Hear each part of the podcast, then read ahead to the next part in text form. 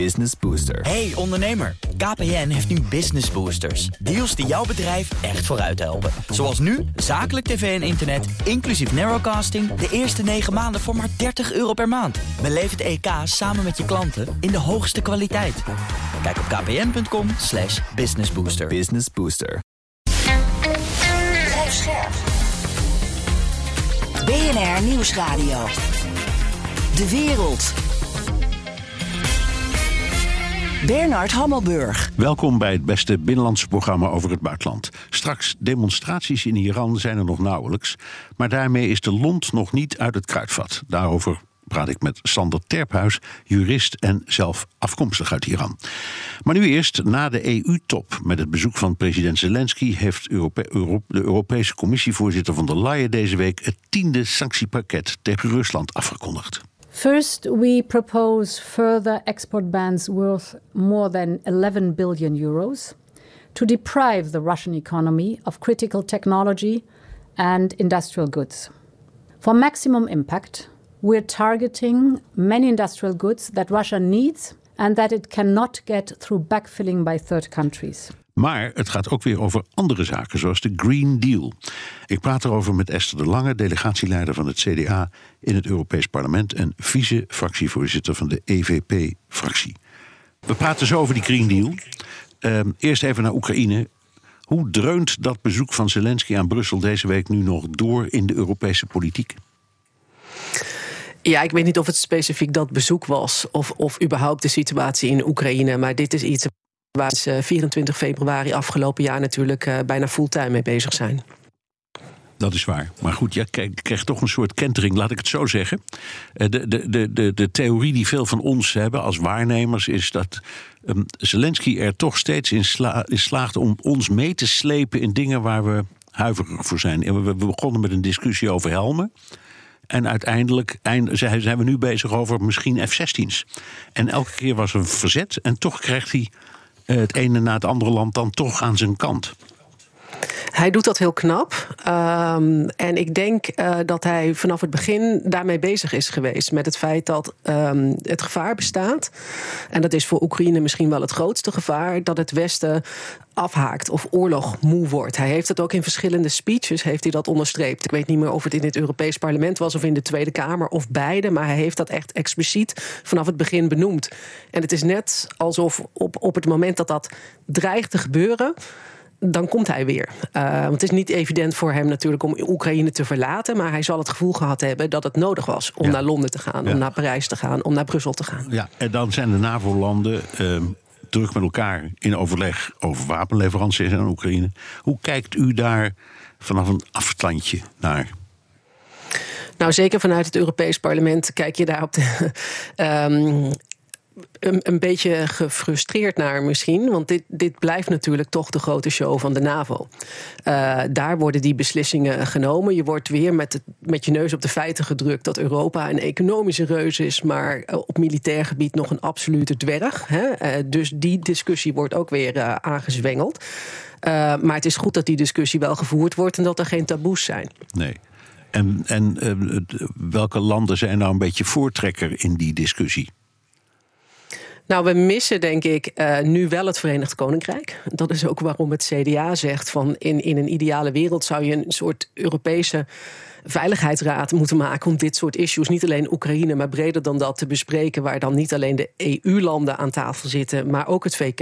We willen heel graag bij dit soort vraagstukken ook het, het VK uh, betrekken. Maar je merkt hier ook dat met name de Oost-Europese landen, die natuurlijk veel dichter ook fysiek en, en ook qua geschiedenis bij dit conflict staan, uh, dat, dat die een steeds meer leidende rol ook nemen in Brussel. Ja, nou was uh, Borrell, de, de buitenlandcommissaris, uh, woedend op Nederland, omdat Defensie bij nader inzien toch geen Leopard 2 tanks levert. Terwijl, terwijl Rutte wel een beetje de suggestie heeft had gegeven dat dat zou gebeuren. Nou zegt Defensie, we kunnen geen geleasede tanks uitlenen.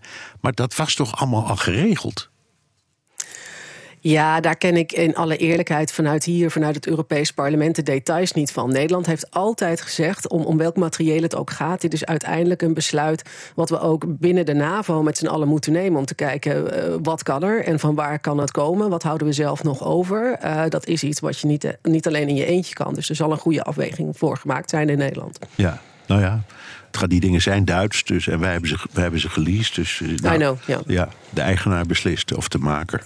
Uh, ja, kijk, en, en de, de, positie van Duitsland is natuurlijk ja, een, een, een, een dat, dat blijft zich voortslepen, die discussie. En ik, ik, ik denk dat we, als we hierop terugkijken, dat, dat we, uh, als dit zo doorgaat, wel gaan concluderen. Um, dat, dat, dat dit misschien wel een bepaalde shift ook in de positie van Duitsland in de Unie teweeg heeft gebracht. Het is nu nog te vroeg om daar definitief over te concluderen. Maar de frustratie met, met de vertraging die steeds vanuit Berlijn komt, is, uh, is, is heel groot. Ja, die, dat, dat is ook zo. En ze kunnen maar niet loskomen van die, die Oostpolitiek van vroeger. Hè, een soort bemiddelende rol voor zichzelf zagen. In plaats van een uitgesproken anti-Russische, pro-Europese.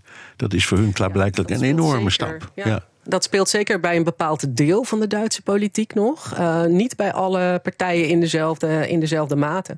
En daar komt natuurlijk ook nog de terughoudendheid bij, die ze sinds de Tweede Wereldoorlog überhaupt op dit terrein hebben gehad. Um, ja, die, ze, die niet meer houdbaar is in, in de huidige tijd waarin we leven. Nee. Um, tiende sanctiepakket. Uh, wordt ingevoerd, althans uh, als het wordt goedgekeurd.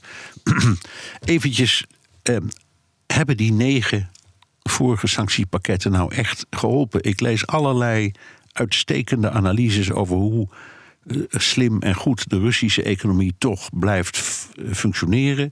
Met nieuwe markten in Azië en weet ik wat. Dus hun spullen raken ze kwijt. Ze doen aan, aan illegale parallele import. Dus ze missen niet echt dingen. Dus wat is nou het nut van sancties, gelet op dat er nu alweer zo'n pakket komt? Nou, ze missen niet echt dingen. Ik denk dat dat niet klopt. Hè. Er zijn al vluchten in Rusland. Die worden die niet kunnen doorgaan omdat er geen reserveonderdelen komen voor vliegtuigen. Daarvoor zijn ze deels afhankelijk van het Westen. Hun, hun bruto nationaal product is bijna 4% gedaald het afgelopen jaar. En de verwachting van de OECD is dat dat 5,5% wordt uh, dit jaar.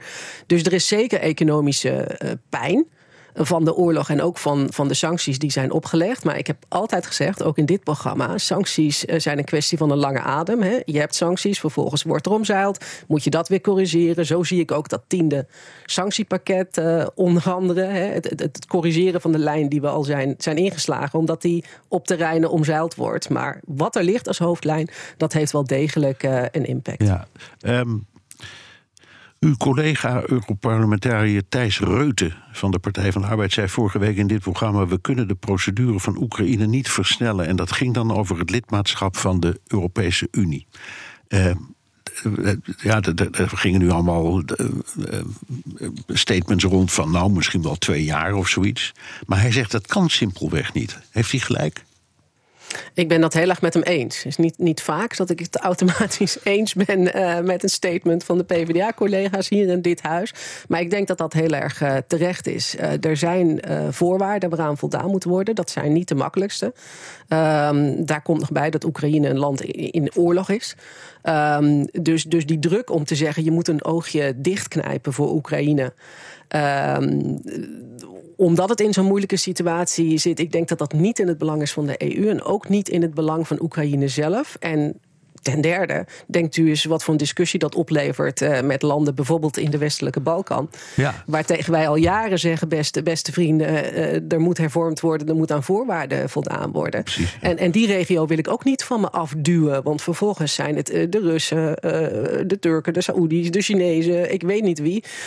maar allerlei invloeden in onze achtertuin die we daar liever niet nee. hebben. Dus die, die hou ik ook graag bij me in een proces. Ja, dat is waar. U hebt gelijk. Er zijn drie andere kandidaten hè, die al heel lang in de, in de de wachtkamer zitten en uh, bezig zijn hun.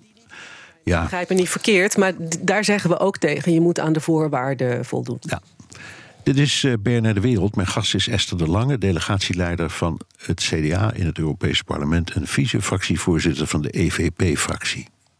We know that in the next years the shape of the economy, the net zero economy, and where it is located will be decided And we want to be an important part of this net zero industry that we need globally. Ja, je zou het bijna vergeten, maar een ander belangrijk dossier in het Europese parlement is de Green Deal van Frans Timmermans. Deze week wordt gesproken over een initiatief dat daar verband mee houdt: het Green Deal Industrial Plan van commissievoorzitter Ursula von der Leyen. Eh, de EU moet de bakermat worden voor schone technologie en innovatie. Um, mevrouw de Lange, hoe nou, laat ik allereerst zeggen dat ik er blij mee ben dat de commissie na drie jaar het licht gezien heeft. Dat de Green Deal niet alleen green uh, moet zijn, maar ook een deal. Namelijk aantrekkelijk voor bedrijven om zich hier te vestigen. En om die transitie richting die clean tech ook in Europa te maken. Zodat het ook banen oplevert in Europa. We hebben dat als EVP altijd gezegd, uh, als CDA ook. Um, en waren wel kritisch op, op het feit dat, dat die groene agenda heel erg vooruit ging. Terecht, begrijp me niet verkeerd. Er moet iets gedaan worden aan klimaatverandering. Maar dat wij vonden dat het hand in hand moest gaan met een, een slim strategisch industriebeleid. En dat gebeurde niet, of te weinig in onze ogen. En nou ja, nu ligt er dan dat plan. Uh, met een aantal, uh, met een aantal uh, pijlers. Um, ik, ik, mis nog wel een aantal dingen daarin die er um, die echt nodig zijn om die bedrijven ook hier te houden. Is het een beetje bedoeld als een um, tegenzet tegen Bidens uh, Inflation Reduction Act? Zo wordt het door sommigen wel gezien. Ik denk ook dat de Inflation Reduction Act wel de reden is geweest dat, dat mensen, de Europese Commissie misschien ook wel, met, met de neus op de feiten is, uh, is geduwd. Ehm, wat mij betreft lagen de, de dingen die er nodig zijn hè, om die cleantech-industrie hier te houden, die uitdagingen, die, die, die, die eisen, uh, die zij denk ik terecht stellen, ja, die lagen er eigenlijk al voor de uh, Inflation Reduction Act. Maar het is wel een politieke aanleiding geweest. Ja. Wellicht. Nou, er zijn heel veel landen of mensen die zijn bang dat hier toch een soort uh, handelsoorlog uit kan komen. En nou zegt Biden steeds, ja, dat is de bedoeling ook niet. Maar ja, het is toch, het, is een heel, het heeft een heel sterk Buy American gehalte. En als wij dan gaan roepen Buy European, dan, dan heb je al een soort handelsoorlog. Het is bijna niet te vermijden.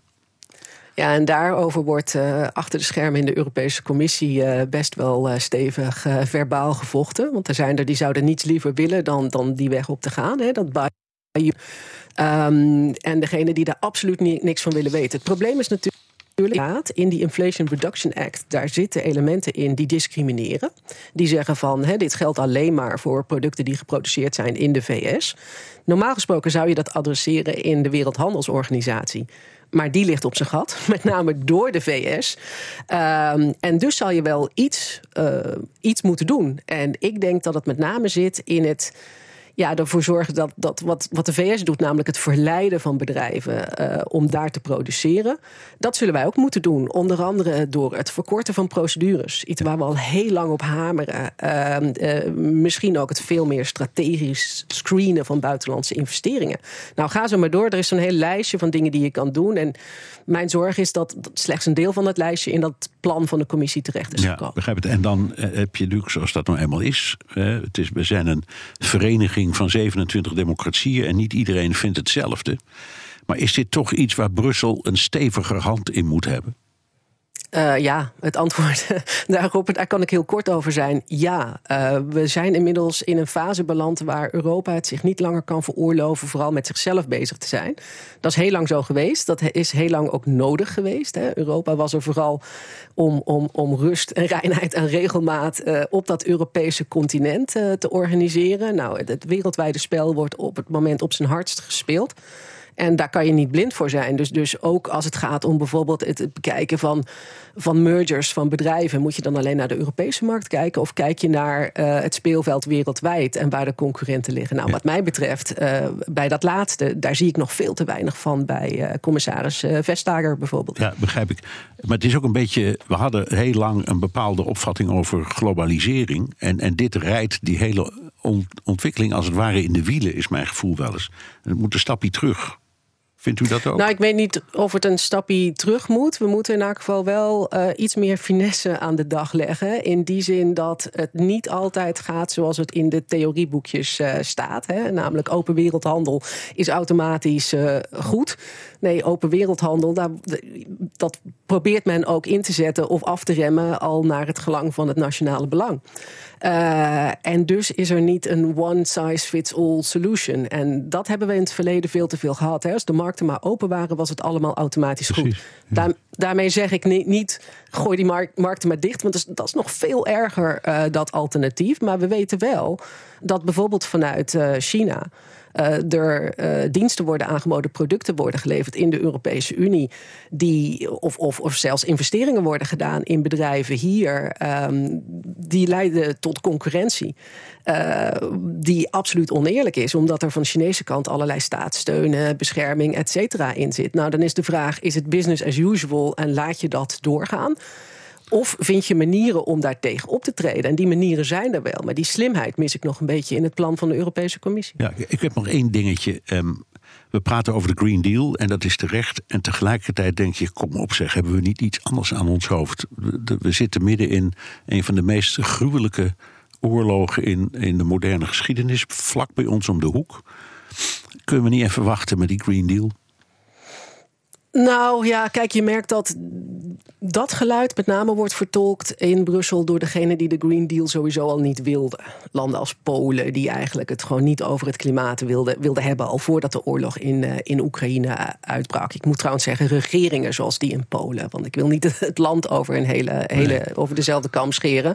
Ehm, ik denk dat we nog steeds moeten optreden tegen klimaatverandering. En hoe eerder je dat, dat doet, hoe efficiënter het is en hoe goedkoper het is. eh, ten opzichte van nog later eh, gaan optreden.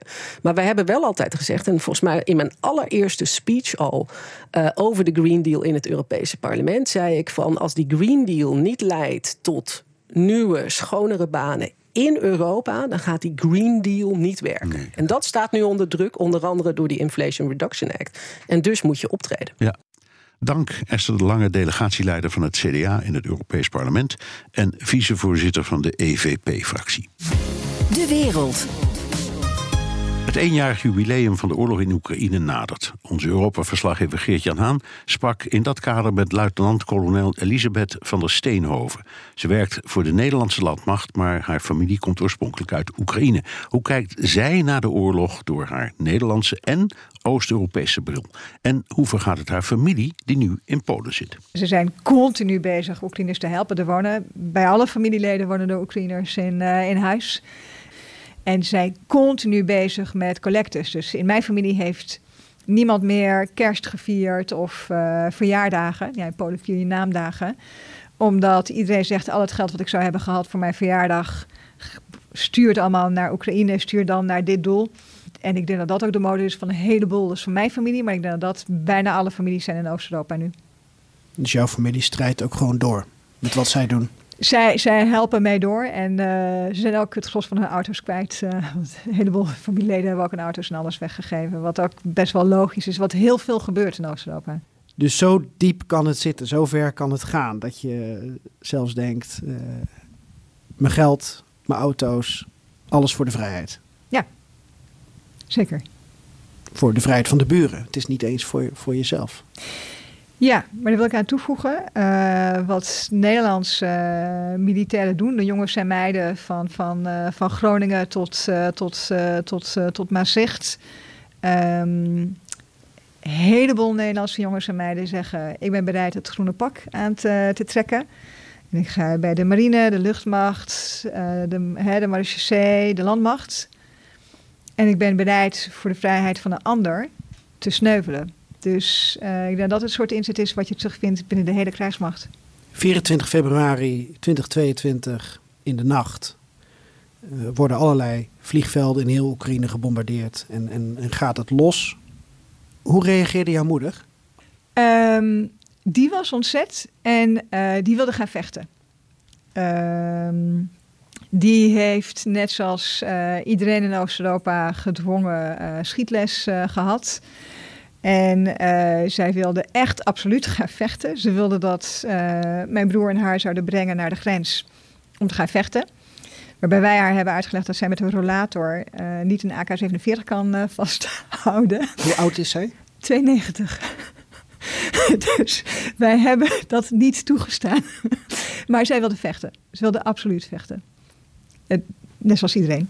Kun jij vanuit jouw achtergrond, en je hebt ook eh, veel andere dingen gedaan voordat je bij Defensie kwam natuurlijk, die wel heel veel raakvlakken hebben met, met dit onderwerp. Eh, welke bijdrage kun jij nog leveren? eerlijk gezegd denk ik dat het meer andersom is. Dat ik met enorm veel enthousiasme heb gevolgd wat mijn, wat mijn Nederlandse collega's doen. Als ik daar een voorbeeld van mag, mag geven. Nederlandse militairen waren Oekraïense burgers aan het trainen. Onder andere om schutter te worden. En wat er toen gebeurde is dat in die groep Oekraïners was er één man van ongeveer de 40. Die Oekraïner probeerde, deed enorm zijn best, wilde heel graag schutter worden oefenen en oefenen, maar het lukte hem niet om, uh, om raak te schieten. de Nederlanders deden enorm hun best om het aan die Oekraïner te leren, maar het lukte hem alsmaar niet. En uiteindelijk, halverwege uh, die training die kort is, barstte de Oekraïner in huilen uit. Zei van ja, het kan er niet, het kan niet, maar ik moet een schutter worden, maar ik kan het niet, het lukt me niet. Waardoor de Nederlandse militairen alles bij elkaar hebben gehaald. En gezegd van ja, we trekken, we gaan het hem leren. Ik weet niet hoe, maar we gaan het hem leren. We trekken die man doorheen. En uiteindelijk hebben ze met, met, met de hele groep die man zoveel advies gegeven, daar zoveel energie gestopt, dat opeens een avond lukte. En hij schoot raak. Ja, het was ontroering uh, alom. Die Oekraïner had weer tranen, maar dan van geluk.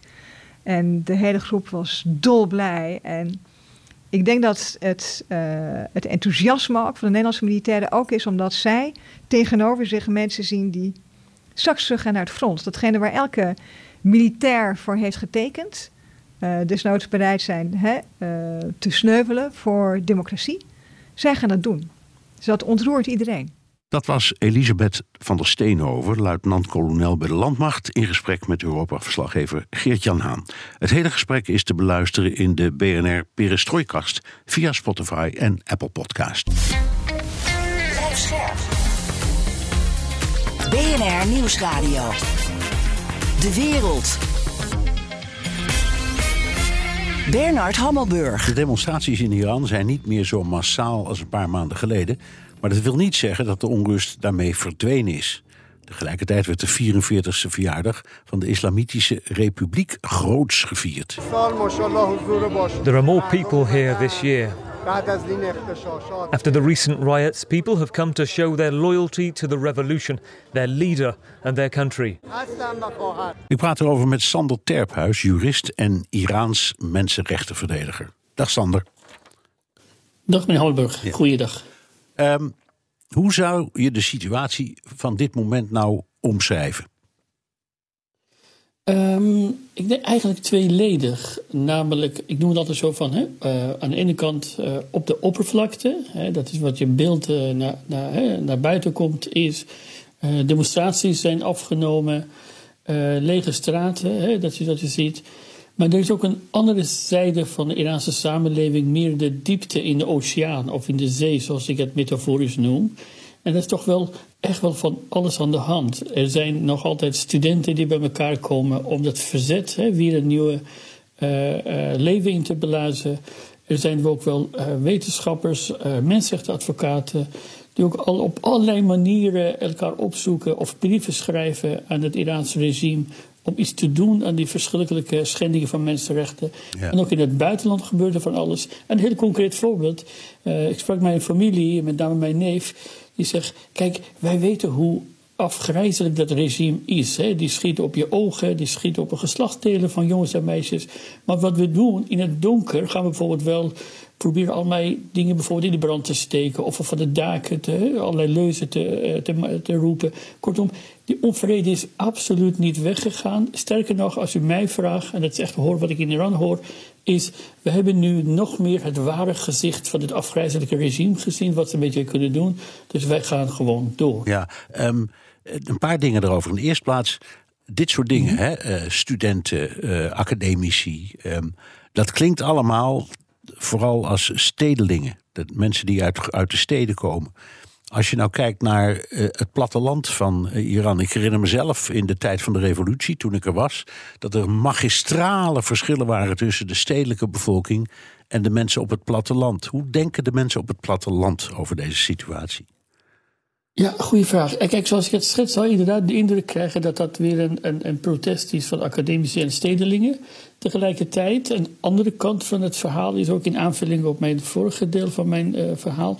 Dat zie je bijvoorbeeld ook vele stakingen in, in, de, in de steden waar uh, is, in de plekken waar zeg maar, ehm, mensen bij elkaar komen met excuses.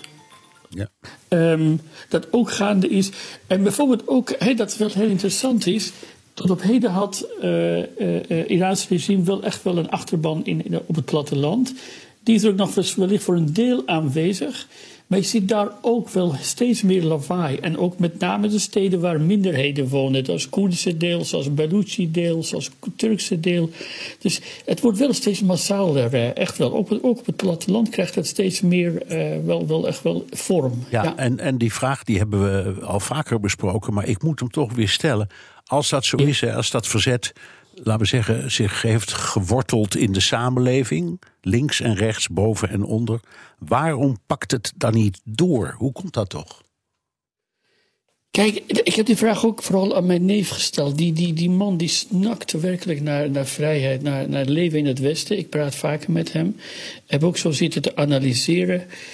En hij zei toen, heel treffend vond ik. Hij zei: Wat zouden jullie van vinden als het Iraanse regime zo'n moordmachine als de revolutionaire garde inzet, die tanks uh, gebruikt, zet tanks in tegen de demonstranten, zet zenuwgas in, maar die ook gewoon gericht schiet op je. En, maar ook vooral als je eenmaal wordt opgepakt bent. En dat moet er werkelijk het Westen iets aan gaan doen. Blijf maar roepen. Ook dank voor u dat ik via uw programma mag zeggen. Als je ziet wat ze met jonge mensen doen in de gevangenissen. En meneer zijn de cijfers echt schrikbarend van jongeren die, als ze uit de gevangenis komen, dat ze een paar dagen later zelfmoord plegen. En dat komt omdat ze in de gevangenissen zo worden vernederd, verkracht, verminkt. En als ze dan gevangenis uitkomt, dan zeggen ze tegen je: ga dat tegen je vrienden en medestudenten vertellen? Ga je naar huis, uh, kom niet de straat op, want anders doen we dit ook met hun. Kortom, die mate, explosiviteit van het geweld en die ernst wat geweld maakt, dat, en het is toch, moet ik ook wel zeggen via uw programma. Het Westen heeft wel misschien wel wat gedaan, maar men voelt zich toch ook wel in de steek gelaten. Kijk, nu wordt bijvoorbeeld niet besloten om dat revolutionaire garde, die moordmachine, op de terroristenlijst te zetten door de Europese Commissie. Dat was ook echt een harde klap in het gezicht van het moedige volk. Die zegt: ja, wij offeren zelfs ons leven op voor waarden die jullie ervoor staan. Maar als je erop aankomt, dan krabbelen jullie wel terug. Ja. En dat alles maakte dat het, dat het mensen toch best een beetje onzeker werden, voor hun leven gingen vrezen. Dat is eigenlijk voornamelijk, voornamelijk de reden. Ja, uh, even ding. Speelt het seizoen een rol? Ja, dat klinkt altijd kinderachtig, maar het is in de winter heel koud in Iran. Uh, ont, ontmoedigt dat mensen ook om bijvoorbeeld te demonstreren of andere actie te voeren? Of is dat onzin? Nou, dat is zeker niet onzin, maar wel in combinatie met een andere factor. En dat hoor ik ook uit Iran. Dat is inderdaad, dat is nu ook in, in Teheran best wel koud. Eh, eh, ook andere steden. Maar daarbij komt nog dat het Iraanse regime is zo wreed dat hij zelfs nu tekort aan gas en olie schijnt te zijn in Iran. Terwijl ik denk, come on. bedoel, Iran is een OPEC-land. Dat, is, dat is de, de, ironie ten top, zou je zeggen, hè?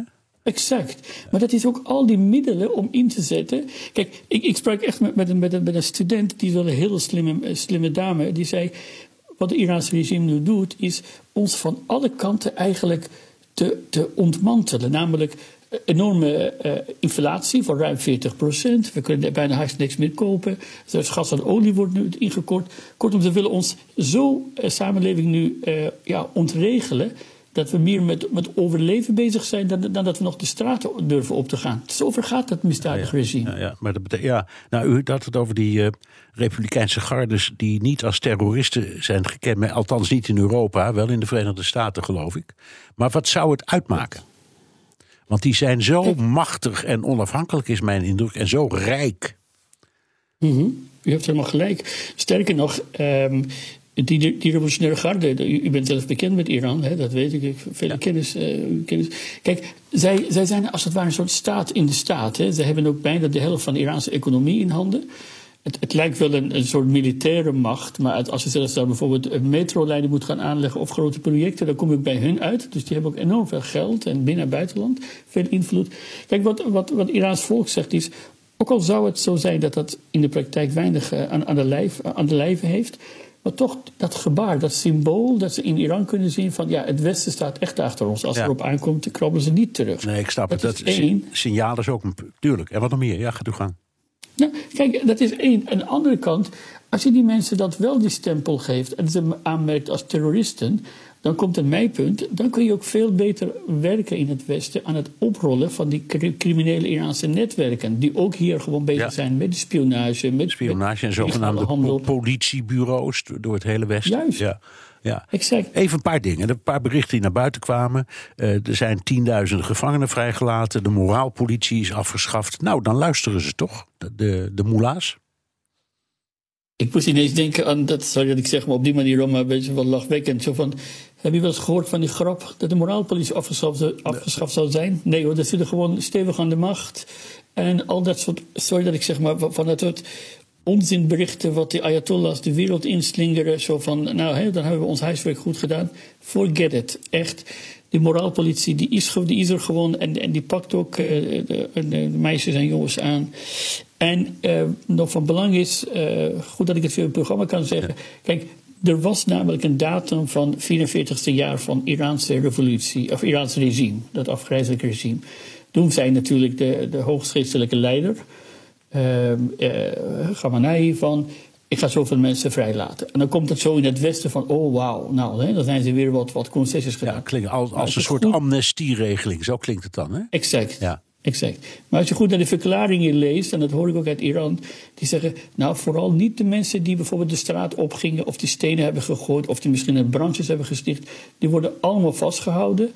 En er gaan nog steeds gewoon rechtszaken door. Er worden nog gewoon, doodstraffen opgelegd. Er worden dan mensen gewoon uh, flink gemarteld en verklaringen uh, van ze, uh, allemaal bekende verklaringen van ze afgelegd gekregen.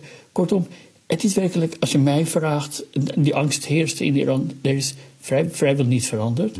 Alleen, het regime weet het mooi te verpakken. En dat, dat, is, dat is dan weer ja, hun, hun kunst kennelijk. Maar in het Westen moeten we echt wel niet uh, op intrappen. Nee.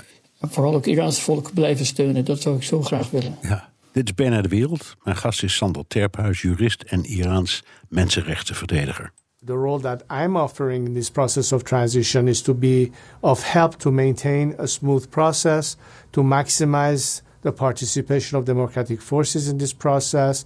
I'm doing this in collaboration with those who are active outside of Iran, in direct contact and communication with those within Iran.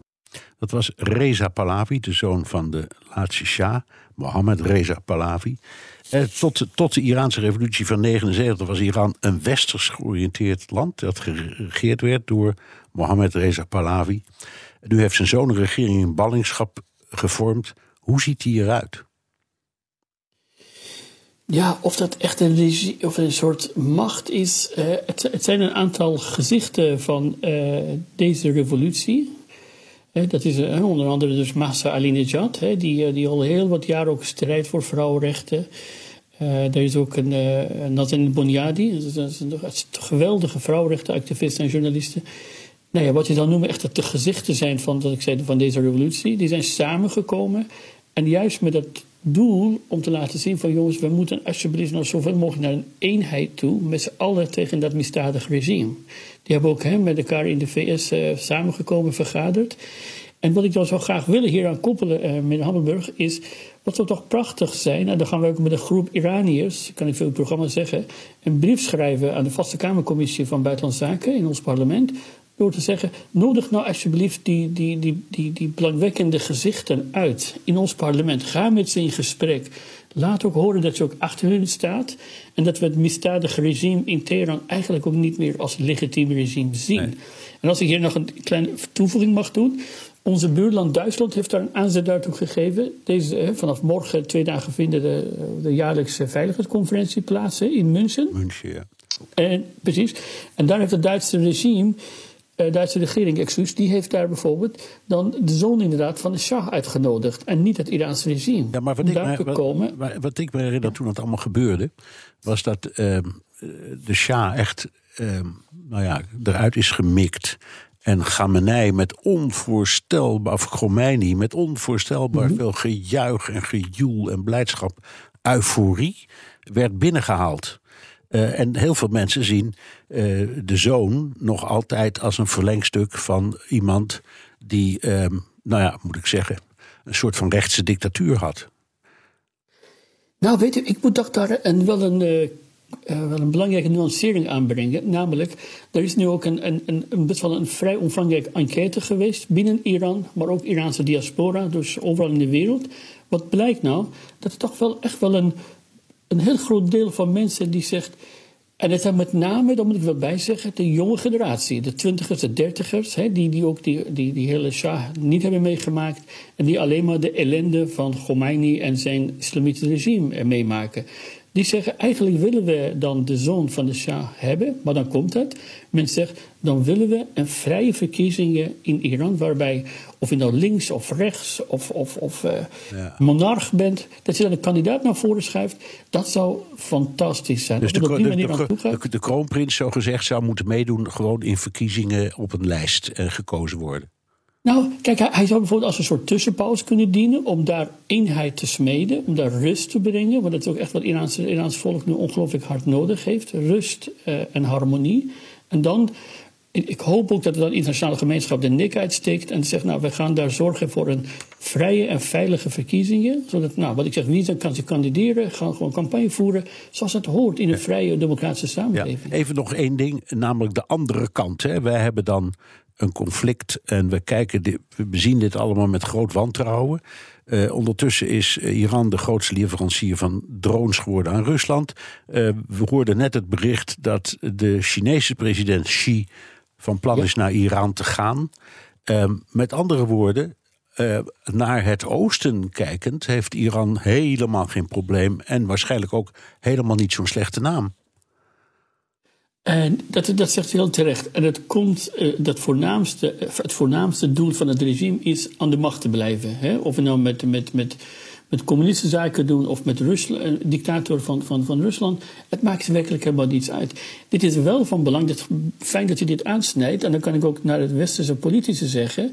Jongens, let wel, dit wordt wel een grotere gevaar als het zo doorgaat. Want inderdaad, de Chinese leider komt naar Teheran, nota bene. Nou, die komt echt niet zomaar. Dus die zal die Iran weer nog veel naar zich toe trekken. En ook in de richting van de dictator Poetin zie je, dat ze echt met elkaar steeds meer zaken doen. Dus als wij, en dat heeft me verbaasd, meneer Hammelburg, toen wij Oekraïne gingen steunen, zeiden we ja, maar dit is ook onze oorlog, want het gaat ook over onze waarden. We moeten die dictators van een halt toe te roepen. Ik zou zeggen, trek alsjeblieft als Europees parlement, als Europese Commissie die parallelie door, ook naar Teheran, naar dat regime. Want dat is een misdadige, misdadige ja, ik, ik, zie, ik, citeer, ik citeer één zin uit het interview dat ik destijds met de Shah heb gedaan. En die zei, ik vorm de, de beschermlaag voor Europa en de, en de westerse wereld. Wij Iraniërs doen dat. De, de, de, de muur tegen Rusland, toen de Sovjet-Unie. Ja. Zien we hetzelfde beeld toch een beetje ook bij Oekraïne? Ja, nou eigenlijk wel. Hè. Kijk, het is wel, als we het hebben, dat, dat, dat heb ik onze premier horen zeggen. Hè, die, het gaat ook om, over onze waarden. Hè, dit is ook onze oorlog en die dictators enzovoort. Precies wat u zei. Mooi, heel scherp die, die citaat van u.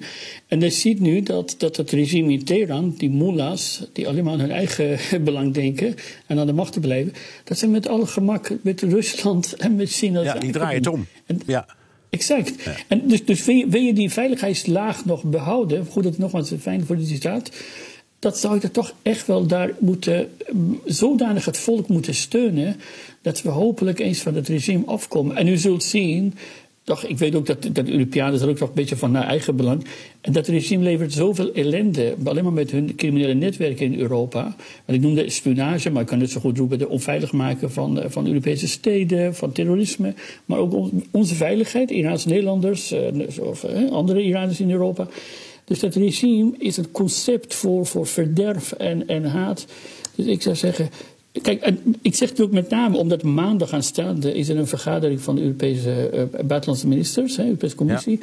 En dan gaan ook een hoop Iraniërs weer naar Brussel. Ik, ik, ga zelf ook proberen heen te gaan. Om daar weer te demonstreren en zeggen van... alsjeblieft, laat het Iraanse volk niet in de steek. Sta op voor die waarden en strijd met ons mee. Sander Terphuis, uh, waarschijnlijk gaan ze luisteren. Hartelijk dank. dank Sander Terphuis, jurist en Iraans mensenrechtenverdediger. Postma in Amerika. Tijd voor het Amerikaanse nieuws door de ogen van onze correspondent in Washington, Jan Postma. Jan, Republikeinen willen het land in met hun hoorzittingen? Ja, uh, Republikeinen hebben natuurlijk de meerderheid in het Huis van Afgevaardigden. Maar veel plannen gaan ze er waarschijnlijk niet doorkrijgen. Hè? Met Biden als president, Democratische Senaat. Dus ze willen veel hoorzittingen organiseren. En uh, daar willen ze ook zoveel mogelijk aandacht voor om het Biden moeilijk te maken. Nou, nu is die handleiding gelekt. Uh, waarin ze uitleggen hoe ze dat gaan doen. En een van de methodes is: ga het land in en hou bijvoorbeeld een hoorzitting bij de grens. Dat zorgt voor meer publiciteit. dat gaat het meer, meer losmaken. En ze geven daarbij ook suggesties van conservatieve, lokale en ook landelijke media die dan meer toegang zouden moeten krijgen, waardoor die er meer over gaan berichten en dan komt de rest eigenlijk vanzelf. Dus eh, ja, ze willen eigenlijk minder hoorzittingen in die stoffige zaaltjes in Washington, maar erop uit, op uittrekken, het land in, moet meer losmaken en ja, allemaal met als doel om Biden dus meer dwars te kunnen zitten. Er zit wel een nadeel aan, het kost ook flink meer geld, maar ja, dat ja, voor rekening van de belastingbetaler. Je hebt, je hebt reiskosten en het moet allemaal beveiligd. Dat, valt, dat zal een plus zijn, zeg. Ja. Precies, helemaal als je met zo'n groepje congres nou, nou, nou. dat gaat niet zomaar natuurlijk. Nee. Biden denkt ondertussen te weten hoe hij de Republikeinen aan moet pakken.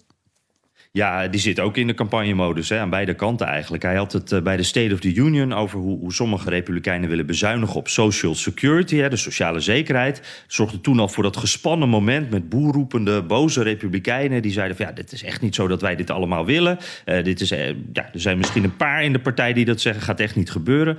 Nou, je hoort republikeinen er wel eens over dromen, moet ik zeggen hoor. en ik weet zelf ook niet helemaal of ze het nou echt wel willen. het is echt niet een uh, breed gedragen standpunt, denk ik, om dat echt te gaan doen. Maar Biden en zijn team die denken dat dit echt een onderwerp is uh, ja, waar ze de eigen achterban en ook de twijfelende kiezer boos mee kunnen maken. En dat is natuurlijk belangrijk tijdens zo'n campagne. Dus die willen daar een groot punt van maken. Uh, ook, ja, we weten nog niet of Biden gaat runnen, hè, maar alle seinen lijken op groen te staan. Uh, in die nieuwe campagne zou dit onderwerp dus ook weer groot terug gaan komen. Dus daar zijn we nog niet vanaf. Maar daar zit ook een risico aan, want toen Biden vicepresident was, uh, toen is er ook al wat gekort op die sociale zekerheid. Dus hij kan hem ook nog wel een keertje terugkrijgen. Ja, maar goed, dat is waar. Maar hij zal, hij zal natuurlijk dan de, de campagne voeren met het motto: als je een republikein kiest, kost je dat je AOW of zoiets. Ja, precies. Ja, dus, dus, iedereen die wat ouder is, pas op, je kan het zomaar kwijtraken. Ja, ja. hey, dan de komst van Nikki Haley. Um, uh, nieuwe kandidaat. Is Trump zijn spotjesmaker kwijt? Ja, en dat is toch wel even balen uh, in het hoofdkwartier uh, van de Trump-campagne. De firma Jamestown is dat. Die maken al sinds 2016 de tv-spotjes voor Trump. En dat is echt een van de bekendere, grotere spotmakers aan de Republikeinse kant. heel wat kandidaten die hun filmpjes, hun video's daar vandaan halen. En dat is echt big business. sinds zijn vertrek uit het Witte Huis doet deze firma ook de, de, de, filmpjes van Trump... waarin hij, nou, je kent ze wel, dan een minuut in de camera praten. Verder is het eigenlijk niet zoveel. En dat alleen al kostte over de maand december al 30.000 dollar. Dus zoveel geld kan je daarmee verdienen. Uh, terwijl je dat toch ook gewoon zelf met je telefoon kan doen. Maar goed, uh, dat bedrijf is dus ook de nieuwe spotmaker van Nikki Haley. Uh, en dat vond de Trump-campagne toch niet zo'n goed idee. En dus moet Trump nu op zoek naar een nieuwe maker. Ze willen niet in hetzelfde bedrijf, bij hetzelfde bedrijf zitten. Ze schijnen grote plannen te hebben en het helemaal over een nieuwe boeg te willen gooien. Maar dat is natuurlijk ook weer, weer de bekende Trump-praat. Dus uh, we zijn benieuwd. Ja, ja, en je hebt altijd die discussie over waarom hebben ze zoveel geld nodig voor een campagne. En hier zit natuurlijk het, onder, het, het antwoord in. Hè? Voor dit soort firma's, daar gaat het heen. Ja, precies. Dat zijn echt zulke duur betaalde consultants en die filmpjes. Dus ja, wat ik zei, zo'n filmpje dat je in de camera kijkt... dat kan Trump met een standaardje van 10 euro, dollar... kan hij dat zelf ook maken, maar ja. 30.000 dollar. Ja. Hey, Trump had een heel bijzondere reden om een geheim document thuis te houden. Ja, want dat hielp hem met slapen. Um, een van Trumps advocaten die legde dat uit op CNN. was toch wel een opvallend gesprek, hoor. Uh, er lag heel lang een mapje, uh, ja, een geheim mapje op Trumps nachtkastje bij hem thuis in Mar-a-Lago. En dat was volgens de advocaat omdat Trump een telefoon, zo'n ouderwetse landline, uh, gewoon een telefoon naast zijn bed heeft. En daar zit een fel blauw lampje op. En dat hield Trump s'nachts wakker. Dus toen heeft hij dat mapje met de tekst Classified Evening Summary, dus geheim, eroverheen gelegd en dat daar ook gehouden een hele tijd lang. En dat was de uitleg waaronder, uh, ja, waarom dus zo'n geheim mapje daar was. Uh, advocaat zei er wel bij, dat mapje was wel leeg, maar de FBI was er nog steeds heel erg boos over. Nee, dankjewel Jan Posma, correspondent in Washington. Wilt u meer horen over dat fascinerende land? Luister dan naar de Amerika-podcast van Jan en mij. En tot zover BNR De Wereld. Terugluisteren kan via de site, de app, Spotify of Apple Podcast. Reageren kan via een mailtje naar dewereld.bnr.nl. Tot volgende week. Business Booster. Hey ondernemer, KPN heeft nu Business Boosters. Deals die jouw bedrijf echt vooruit helpen. Zoals nu, zakelijk tv en internet, inclusief narrowcasting... de eerste 9 maanden voor maar 30 euro per maand. Beleef het EK samen met je klanten in de hoogste kwaliteit. Kijk op kpn.com businessbooster. Business Booster.